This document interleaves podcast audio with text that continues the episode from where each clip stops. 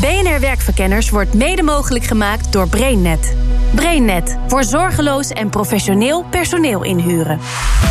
BNR Nieuwsradio. BNR Werkverkenners. Rens de Jong. Het vaste contract. Je werknemers willen het, maar jij wilt het ze niet geven. Want dan kom je nooit meer van ze af. Ik zoek deze aflevering uit welke voordelen het vaste contract voor werkgevers kan hebben. Wat een nadeel is van iedereen in vaste dienst. Uh, stel je, je staat met een aantal ondernemers bij elkaar, die verklaar je toch wel goed gek. Ja. Ja. ja. En ja, ik denk er gewoon anders over. Ik ga uit van vertrouwen. BNR Werkverkenners. Geert van Maasdorp, oprichter van de Intelligence Groep... een uh, databureau gericht uh, op arbeidsmarktinformatie. En hoeveel mensen heb je in dienst? 17. En, en wat doen jullie dan precies? We monitoren continu alle ontwikkelingen op de arbeidsmarkt... verzamelen arbeidsmarktinformatie... en die arbeidsmarktinformatie wordt gebruikt door werkgevers... om mensen te vinden en beter te werven. Maar ook om mensen van werk naar werk te begeleiden. En ook onze data wordt gebruikt bij hypotheekversterking voor flexwerkers.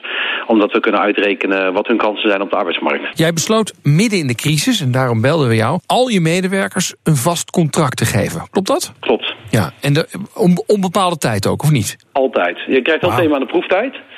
Uh, ik heb geen andere contracten. Voor iedereen binnen mijn organisatie geldt exact hetzelfde. Um, ik heb niet heel veel mensen die dat gedaan hebben. Ik hoorde juist het tegenovergestelde verhaal. We gaan zoveel mogelijk flexibiliseren... en eerst maar eens mensen op een jaarcontractje zetten... en dan eens even kijken uh, hoe we de crisis doorkomen. Dat hoorde ik ook. En ik heb daar voor mezelf... Uh, ik heb er meerdere redenen voor waarom ik dat heb gedaan. Je kunt een positieve reden benoemen... dat je daarmee aantrekkelijker bent op, die arbeids, op die arbeidsmarkt. Dus dat, dat is de positieve reden.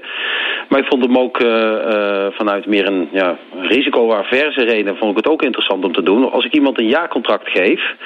En iemand functioneert bijvoorbeeld na drie maanden niet meer. Dus je komt wel door zijn proeftijd heen en je twijfelt, maar je doet dan toch hetgene wat je niet moet doen. En je verlengt dan wel of je zegt niet op in de proeftijd. En dan heb je na drie of vier maanden heb je spijt. Dan zit je eigenlijk meteen nog wel vast aan die mensen voor twaalf maanden. En ik vond eigenlijk, op het moment dat ik een contract voor onbepaalde tijd had, had ik heel veel meer flexibiliteit en ruimte om met mensen te onderhandelen om afscheid van ze uh, te nemen. Dus ik vond eigenlijk contract voor onbepaalde tijd voor mijzelf flexibel flexibeler dan dat ik bijvoorbeeld eh, iemand met een jaarcontract had zitten. Want hoe zit dat dan als je een onbepaalde tijdscontract hebt? Ik hoorde er altijd, dan, dan kom je helemaal nooit meer van af. Misschien dat ik dat wel mogen, mogen vertellen. Ik ben twee keer gehalveerd aan mensen tussen, tussen 2010 en, in, zeg maar in 2010 en 2011. Mm En toen heb ik wel met de harde hand geleerd wat het kostte om mensen met een jaarcontract, uh, om daar afscheid van te nemen. Ja, ja. En, toen daar, en eigenlijk kwam ik makkelijker, nam ik makkelijker afscheid uh, van mensen met een contract in vaste dienst. Mm. Dan met mensen die dus, uh, die dus een half jaar of een jaarcontract uh, hadden. En dat, was, dat was volgens mij, volgens mij de echte eye-opener door te zeggen, weet je wat... Uh, ik ga gewoon mensen voor in, uh, uh, in vaste dienst aannemen. Want die gesprekken zijn makkelijker. Het is makkelijker onderhandelen. Als je echt van elkaar af moet, dan gaat het soepeler. Ja, het kost geld. maar ik heb ook altijd voor gekozen om één op één met mensen de, te onderhandelen. En niet via het UWV te gaan. Want het UWV-traject duurde zo lang, gaat zoveel negatieve energie uh, uh, mee gepaard. Je wil als ondernemer gewoon door. Dus als je van iemand af moet, of van, helaas van mensen afscheid moet nemen... Ja, dan wil je dat zo snel mogelijk gedaan hebben. En dat lukt dus veel makkelijker met een contract voor onbepaalde tijd dan voor bepaalde tijd. Want dan ben je eigenlijk wettelijk nog langer aan die mensen uh, gebonden. Had het voor jou nog andere voordelen? Ja, het maakt me aantrekkelijker op die, uh, op die arbeidsmarkt. Je hebt, en wat ook, weet je... Wat ja, maar is, dat, is dat zo? Want ik hoor altijd zeggen, ja, die jonge, talentvolle mensen... die willen helemaal geen, jaar, of geen vast contract meer. Vinden ze helemaal niet belangrijk. Vast contract is voor jonge en weet sowieso voor mensen met meer ervaring belangrijker. Hè, omdat er veel financiële zekerheid van uitgaat. Een vast contract zegt ook iets over vertrouwen. En een vast contract is voor heel veel, ook jonge mensen die bijvoorbeeld een huis willen kopen, gewoon belangrijk. Dus uh, uh, misschien niet het allerbelangrijkste, maar hoort gewoon wel tot de belangrijkste vijf redenen om voor een werkgever te kiezen. Ja. En wat een vast contract ook zegt is dat je niet elk, nou ja, een half jaar, als je een half jaar contract hebt, of na een jaar, als je een jaarcontract hebt, dan heb je toch altijd dat spannende moment weer dat je met elkaar dat gesprek aangaat van gaan we dat contract verlengen. Dat is gewoon niet een. Dat is, daar, leven mensen naartoe. Dat hoeft niet per se. Dat is een spannend moment. Dat hoeft niet per se een positief moment te zijn.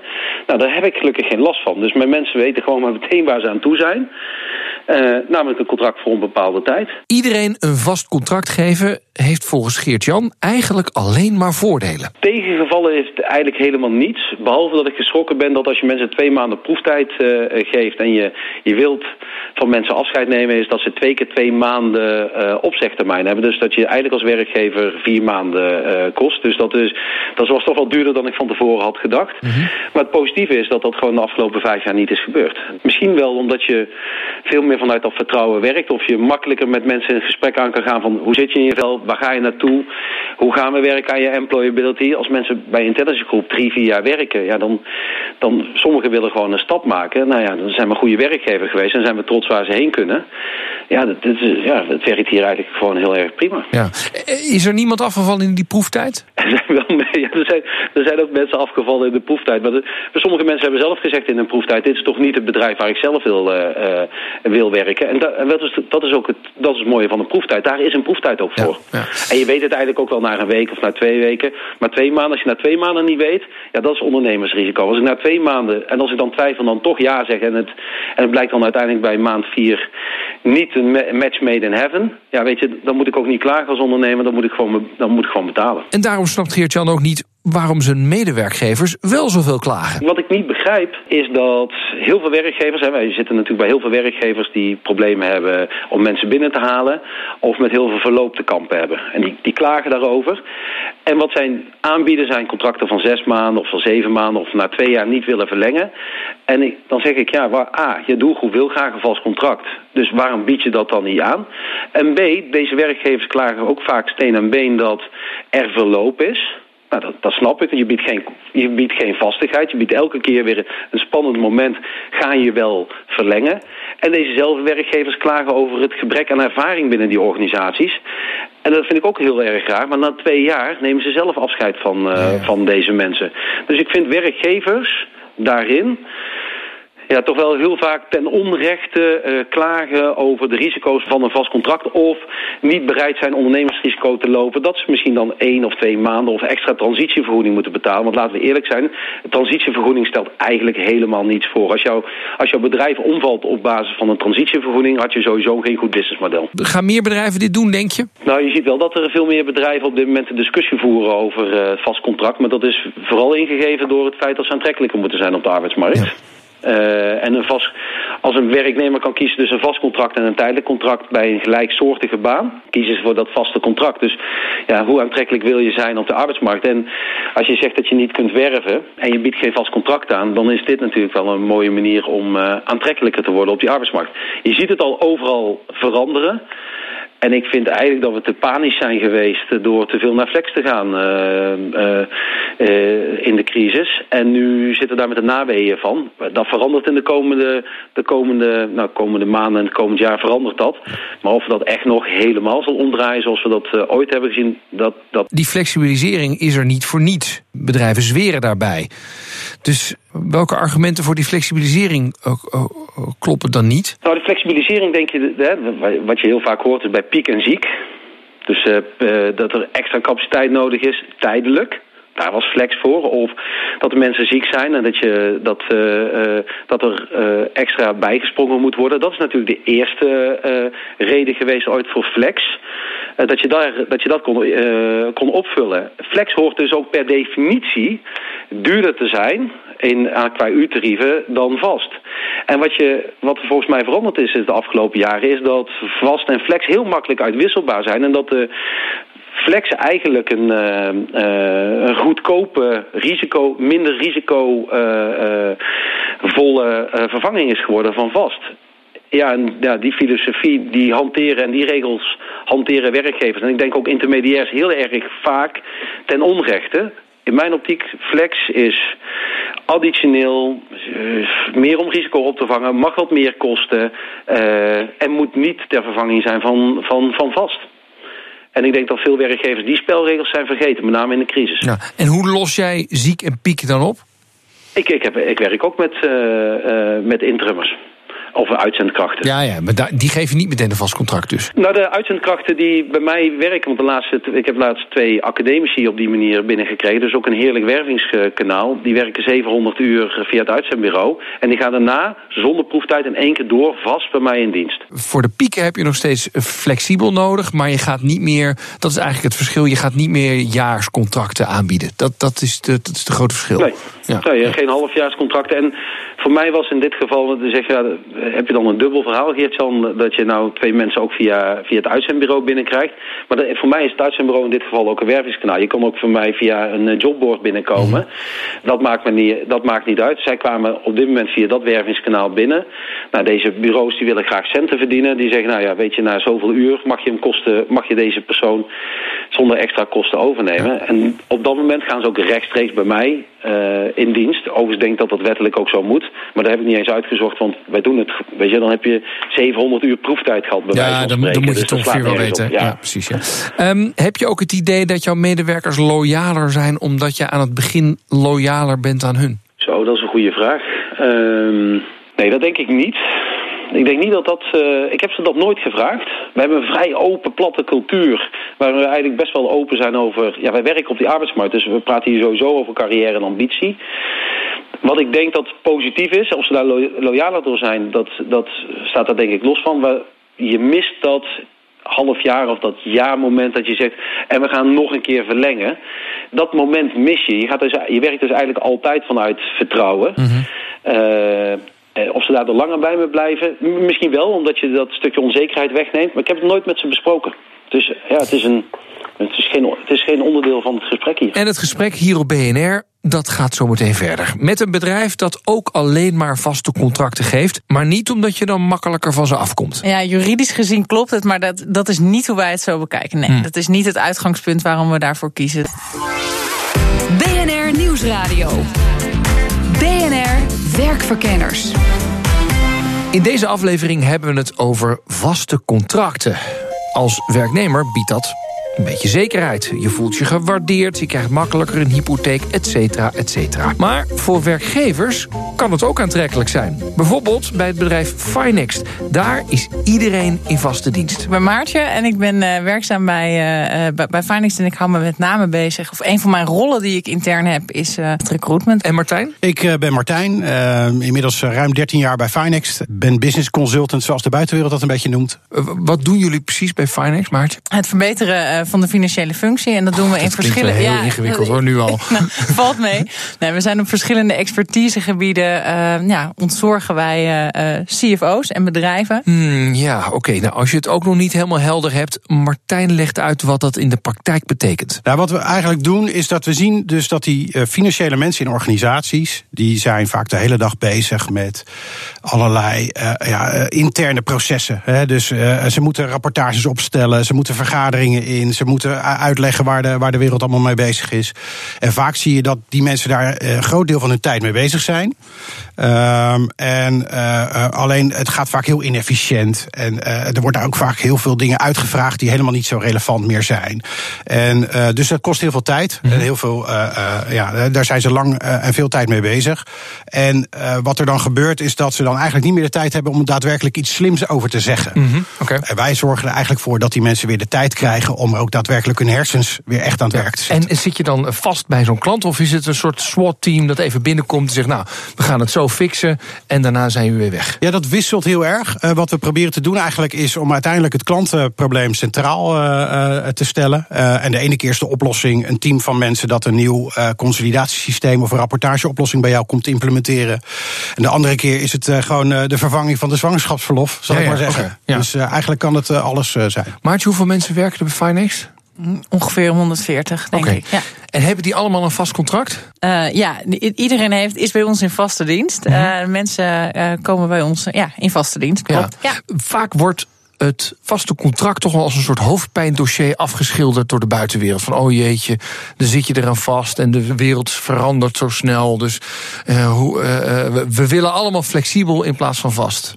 Waarom hebben jullie dan Iedereen in vaste dienst? Wij gaan er eigenlijk vanuit dat, uh, dat bij ons mensen komen werken of mensen werken die uh, echt voor de inhoud gaan. Echte vakidioten zijn het. En met die mensen wil je samen bouwen aan ons bedrijf, maar mm. ook aan uh, wat we bij de klant doen. Dus daarom. maar dat kan toch ook flexibel? Nou ja, wij denken dat dat beter kan als je, elkaar, als je een lange termijn relatie met elkaar aangaat. En dat doe je echt door, ja, met een contract. Maar krijgen mensen ook nog een proefperiode? Of is het gewoon op uh, twee, twee, drie gesprekken en dan weten we het wel? Nou, we hebben, ja, ja we, mensen krijgen, we hebben geen ellenlange procedures. We zijn, we zijn een hele transparante organisatie. En als wij het zien zitten met mensen, dan gaan we daar. En dan krijgen ze gewoon een contract bij ons. En gaan we heb je een proefperiode? Is dat uh, maand, twee maanden? Ja, zit, zit in een eerste contract zit uh, vaak wel een proefperiode. Ja, ja. ja dat, dat is denk ik heel gebruikelijk. Ja, nee, dat wel. Hij zit erin. Ja, hoor.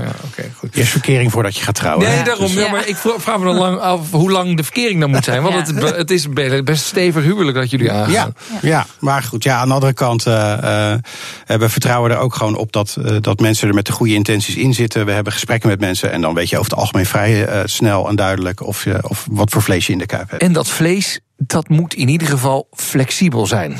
Want bij Finext heb je geen vaste functie. Ben jij eh, performance management consultant, maar ook nog eens heel creatief, dan krijg je ook de kans om uh, samen met ons marketingactiviteiten op te, uh, op te zetten. Uh, ben jij de projectcontroller die heel veel gevoel heeft bij de inrichting van, een, van ons nieuwe pand, dan word je ook gevraagd om daar een rol in te spelen. Dus we proberen eigenlijk in de breedte mensen aan te spreken op hun volledige talent. Ja. en dat betekent dus ook aan de klantkant dat we dus zorgen dat die mensen dus niet een one-trick pony zijn, maar dat we dus zorgen dat het mensen zijn die uh, bereid zijn en ook uh, in staat zijn om samen met ons nieuwe klantproblemen aan te pakken. En daar, daar schikken we ons dan ook naar. En doordat iedereen een vast contract heeft, maar niemand een vaste functieomschrijving, is het voor Finext makkelijker om te reageren op veranderingen? Nou ja, kijk, wat je gewoon ziet is dat er uh, in de buitenwereld thema's zijn. dus er zijn thema's, topics zijn hot. Uh, in het verleden hebben we een tijd gehad dat Sarbanes-Oxley uh, was zo'n uh, was zo'n thema. He. Iedereen was bezig met SOX. Nou, dat, hadden... is, dat is een manier van boekhouden, ja, toch? Sorry, en, ja, vooral ja, rapporteren. Ja, precies. He. Dus compliance en dat soort dingen. allemaal droge kost voor veel mensen in ieder geval. nou, wij hadden daar een heel team omheen georganiseerd... Wat zich, niks, wat zich daarop focuste en niks anders deed dan dat. Nou, op een gegeven moment merk je dat dat, dat, dat soort thema's zijn klaar, over, de, de, de, weg. Ja, dan moet je het team gewoon opheffen. In, in, en, ja, ik heb in een andere organisatie heb ik wel eens gezien dat er bijvoorbeeld uh, heel veel vraag was naar uh, Java-programmeurs. Maar dat de afdeling Microsoft-programmeurs, die zaten allemaal beschikbaar te zijn. Maar die weigerden om uh, één deurtje verder te gaan zitten. Nou, bij ons zie je dus duidelijk dat mensen snappen dat de buitenwereld uiteindelijk leidend is en niet onze organisatiestructuur. Ja, ja. En, en omdat je dat ook vanaf het begin hebt gezegd. En dat je mensen hebt gezegd, je hebt verschillende rollen. En dat zit dus niet in het functieprofiel. Jij bent Sarbanes-Oxley-specialist. Maar je zegt, ja, je moet je, moet je ook breder ja.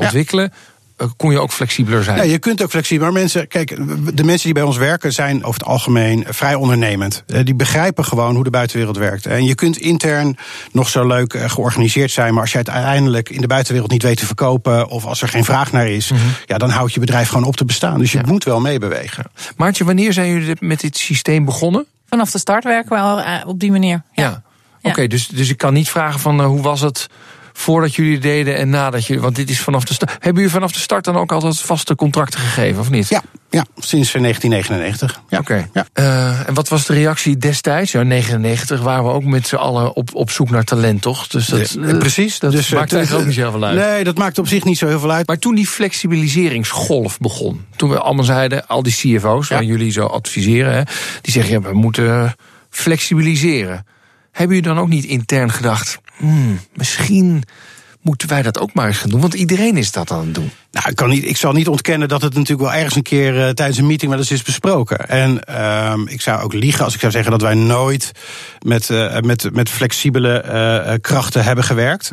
maar wij doen dat voornamelijk eigenlijk op hele specifieke thema's. dus wij doen een project en dan moet er gewoon een witte vlek in dat project worden ingevuld. Omdat we dat simpelweg niet beschikbaar hebben op dat moment. En dan uiteraard schakelen wij dan gewoon met een, een bevriende ZZP'er. Mm -hmm. maar als, als kern hebben wij altijd gezegd, we willen willen gewoon voor vastigheid, we willen voor de lange termijn, we willen mensen die meebouwen aan ons bedrijf. Je zit hier bij zo'n bedrijf dat uh, ik denk wel een derde flexibele schil heeft. En misschien is het wel meer. Ik heb niet de laatste cijfers. Die zitten ook niet gek. Hoe hier bij BNR werkt. Uh, uh, Paulien, ben jij al een vaste dienst of niet? Nee, kijk, ze schudt ook meewarig. Nee.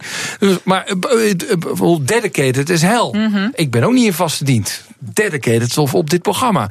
Dus kortom, al die bedrijven zijn toch niet gek die wel een flexibele schil inzetten? Nee, dat zijn ze ook niet. Nee, maar waar, waarom kloppen jullie argumenten dan meer dan bij die andere bedrijven? Nou ja, laat ik, laat ik vooral beginnen ook met te zeggen dat ik niet een, uh, noem het maar even, een zelforganisatie, zelfsturings uh, evangelist ben. Hè? Dus dat, dat ben ik ook zeker niet. Het is, het is ik zie, ja, dat zijn vaak een beetje thema's die omgeven zijn met beroepsorganisatie, anarchisten en weet ik wat allemaal. Daar heb ik persoonlijk wat minder mee. maar ja, voor ons werkt dit gewoon heel goed. En het heeft gewoon goed gewerkt. En uh, nou ja, de cijfers liegen er niet om. Hè. Dus we hebben een hoge medewerkerstevredenheid, hoge klanttevredenheid, dikke achten allemaal. Ja, maar je zegt niet iedereen moet dit doen, maar het werkt gewoon voor jullie. Het werkt voor ons gewoon heel goed. echt een middel. Ja. Ja. Merk je ook dat mensen loyaler zijn? Dat ze harder werken, dat ze makkelijker bij jullie een baan willen hebben? Ik denk het wel. Ik wat ik wel zie is dat uh, de betrokkenheid is, uh, uh, is heel hoog. mensen snappen dat zij daar ook dat ze onderdeel zijn van, van het grotere geheel. Eén oh, vraag. Kijk, dit klinkt hartstikke goed, hè? En ik geloof er ook wel in dat je vertrouwen uitspreekt in elkaar. En dat gaat in, net als bij een huwelijk, de eerste paar jaren is dat natuurlijk allemaal fris en fruitig en leuk. Maar er komt natuurlijk een periode dat er een beetje een sleur in komt. En dan kom je niet zo heel makkelijk meer van elkaar af. Terwijl je dat misschien dat het beter is voor het bedrijf om dat wel te doen. Dus laten we zeggen, die mensen die al 13 jaar onderdeel van het bedrijf zijn. Ik wil geen namen noemen of nee, nee, vingers wijzen. Maar. Hoe komen we van hem af? Ja. Heb je dat dan niet snel, als iedereen maar een vast contract krijgt en iedereen zegt, joh, we hebben vertrouwen je. Ja, op een gegeven moment moeten mensen ook wel door. En als ze dat nou zelf niet doorhebben, dan heb jij wel een probleem als werkgever. Ja, dat, eh, dat, eh, daar heb je gewoon een punt. Dat is denk ik ook echt zo. Uh, ja, wij noemen dat zelf een beetje de wet van behoud van ellende. Hè. Dus elke organisatie heeft een soort van constante hoeveelheid aan ellende. Of je nou zelforganisatie hanteert of een traditioneel model, dat maakt denk ik niet zo gek veel uit. wij hebben dat dus ook. En ja, dan zie je wel dat, dat besluitvorming en met name, ja, noem het maar een soort van beulsfunctie. Hè. Dus er moet ook iemand zijn die af en toe zegt, nou, nu is het klaar dat, dat is niet een van de strong points van dit model. Dat zal ik eerlijk toegeven. Ja. En hoe kom je daar onderuit dan? Ja, uiteindelijk toch door, uh, zijn er toch altijd een aantal mensen die opstaan en zeggen: Nou, dit kan zo niet langer. Of uh, dit werkt echt niet meer. Uh, en die gaan dan toch het voortouw nemen om met nou ja, de persoon in kwestie, die meneer die 13 jaar bij het bedrijf werkt, dat, dat gesprek toch maar eens aan. En uh, uh, ja, proberen daar toch met diegene uit te komen van, joh, wordt het niet eens tijd dat je wat anders gaat doen? Ja, en die persoon zegt, ja, ik heb een vast contract. Ja, ja, nou ja, dan kom je uiteindelijk gewoon dan kom je in hetzelfde stramien terecht als wanneer je natuurlijk in een andere organisatie. In opvolging daarvan, ik ken wel bedrijven die ook in de crisis hebben gezegd we proberen zoveel mogelijk mensen binnenboord te houden. Hè. Laten, we de, laten we de familie bij elkaar houden. Maar dan als opeens de crisis over is, opeens denken... oeh, we zitten hier wel met een oud kluitje. Ja. Hoe zorg je voor een frisse wind? Uh, door continu alles intern ter discussie te blijven stellen. dus niks is een gegeven. Ehm, continu blijven veranderen. Uh, niet veranderen om het veranderen, maar wel om gewoon continu met elkaar bezig te blijven met waarom doen we ook alweer wat we nu doen. En waarom, wat, was daar ook, wat was dat ook alweer een goed idee of niet? En dan kan het wel eens ontstaan dat je op een gegeven moment zegt, nou dat, is, dat was toch niet zo'n goed idee. Mm -hmm. kijk, en ondernemen. Maar en is dat meer nodig op het moment dat je iedereen in vaste dienst hebt? Want, want kijk, je kunt alleen maar mensen toe gaan voegen als je qua omzet gaat groeien. Stel je voor, je hebt een minder jaar, heb je en iedereen een vaste dienst zitten en je kunt geen nieuw bloed meer aanvoeren. Dus je zult het echt, die vernieuwing of die frisse wind uit jezelf moeten halen. Ja, nou ja, dan doe je dus inderdaad dat aanspraak op, uh, op die flexibiliteit uh, van, uh, van je collega's ook. Hè. Dus dan betekent het dus dat jij misschien wel een beetje moet gaan omscholen. Of dat je wat anders moet gaan doen. Ja. Of dat mensen toch gaan zeggen van joh, ja, voor het, het trucje wat jij kan is gewoon geen markt. Dus we zullen wat moeten. Je komt gewoon op een punt dat mensen toch niet meer passen. Ja. Zijn jullie dan wel hard genoeg? Nou ja, kijk, laat ik vooropstellen, we, we zijn geen sociale werkplaats. Mm. Dus we zijn gewoon een bedrijf, gewoon een winstgevend bedrijf. waarin uiteindelijk uh, onderaan de streep moet er geld verdiend worden. Mm. Ik bedoel, we hebben allemaal hypotheken en noem maar maar op. ja, je krijgt vertrouwen. Dat, dat, daar begint het ook mee. Maar dat vertrouwen, dat moet je wel, daar moet je, dat moet je wel op teruggeven. Dus op een gegeven moment, als jij gewoon blijkt dat jij, nou, ik noem maar wat, heel goed bent in Lotus 1, 2, 3. En dat was uh, 15 jaar geleden was dat de bom. Ja. ja, nu niet meer. Ja. Dus als jij niet bijscholt, niet, niet, je niet doorontwikkelt, dan ja, krijg je op een gegeven moment gaan wij natuurlijk op je schouder tikken van het wordt wel eens tijd dat je of wat anders gaat doen. Of als een dolle nu wel dat beentje bijtrekt. Ja, je hoort het. Zelfs als je een vast contract hebt, dan moet je blijven werken aan je employability. Goed. De les van Geert-Jan Waasdorp van de Intelligence Group is... vast klinkt heel zeker, maar uiteindelijk kunnen werkgevers toch makkelijker van je af... als ze maar bereid zijn om te betalen. En met alleen maar vaste medewerkers kan je bedrijf ook prima flexibel zijn... maar je moet wel mensen aannemen die veelzijdig zijn. En wil jij nou een vast contract met ons? Dat kan gewoon, heel simpel. Abonneer je op de podcast. Dan zie je ons voor onbepaalde tijd in jouw device verschijnen. Tot volgende keer. BNR Werkverkenners wordt mede mogelijk gemaakt door BrainNet. BrainNet voor zorgeloos en professioneel personeel inhuren.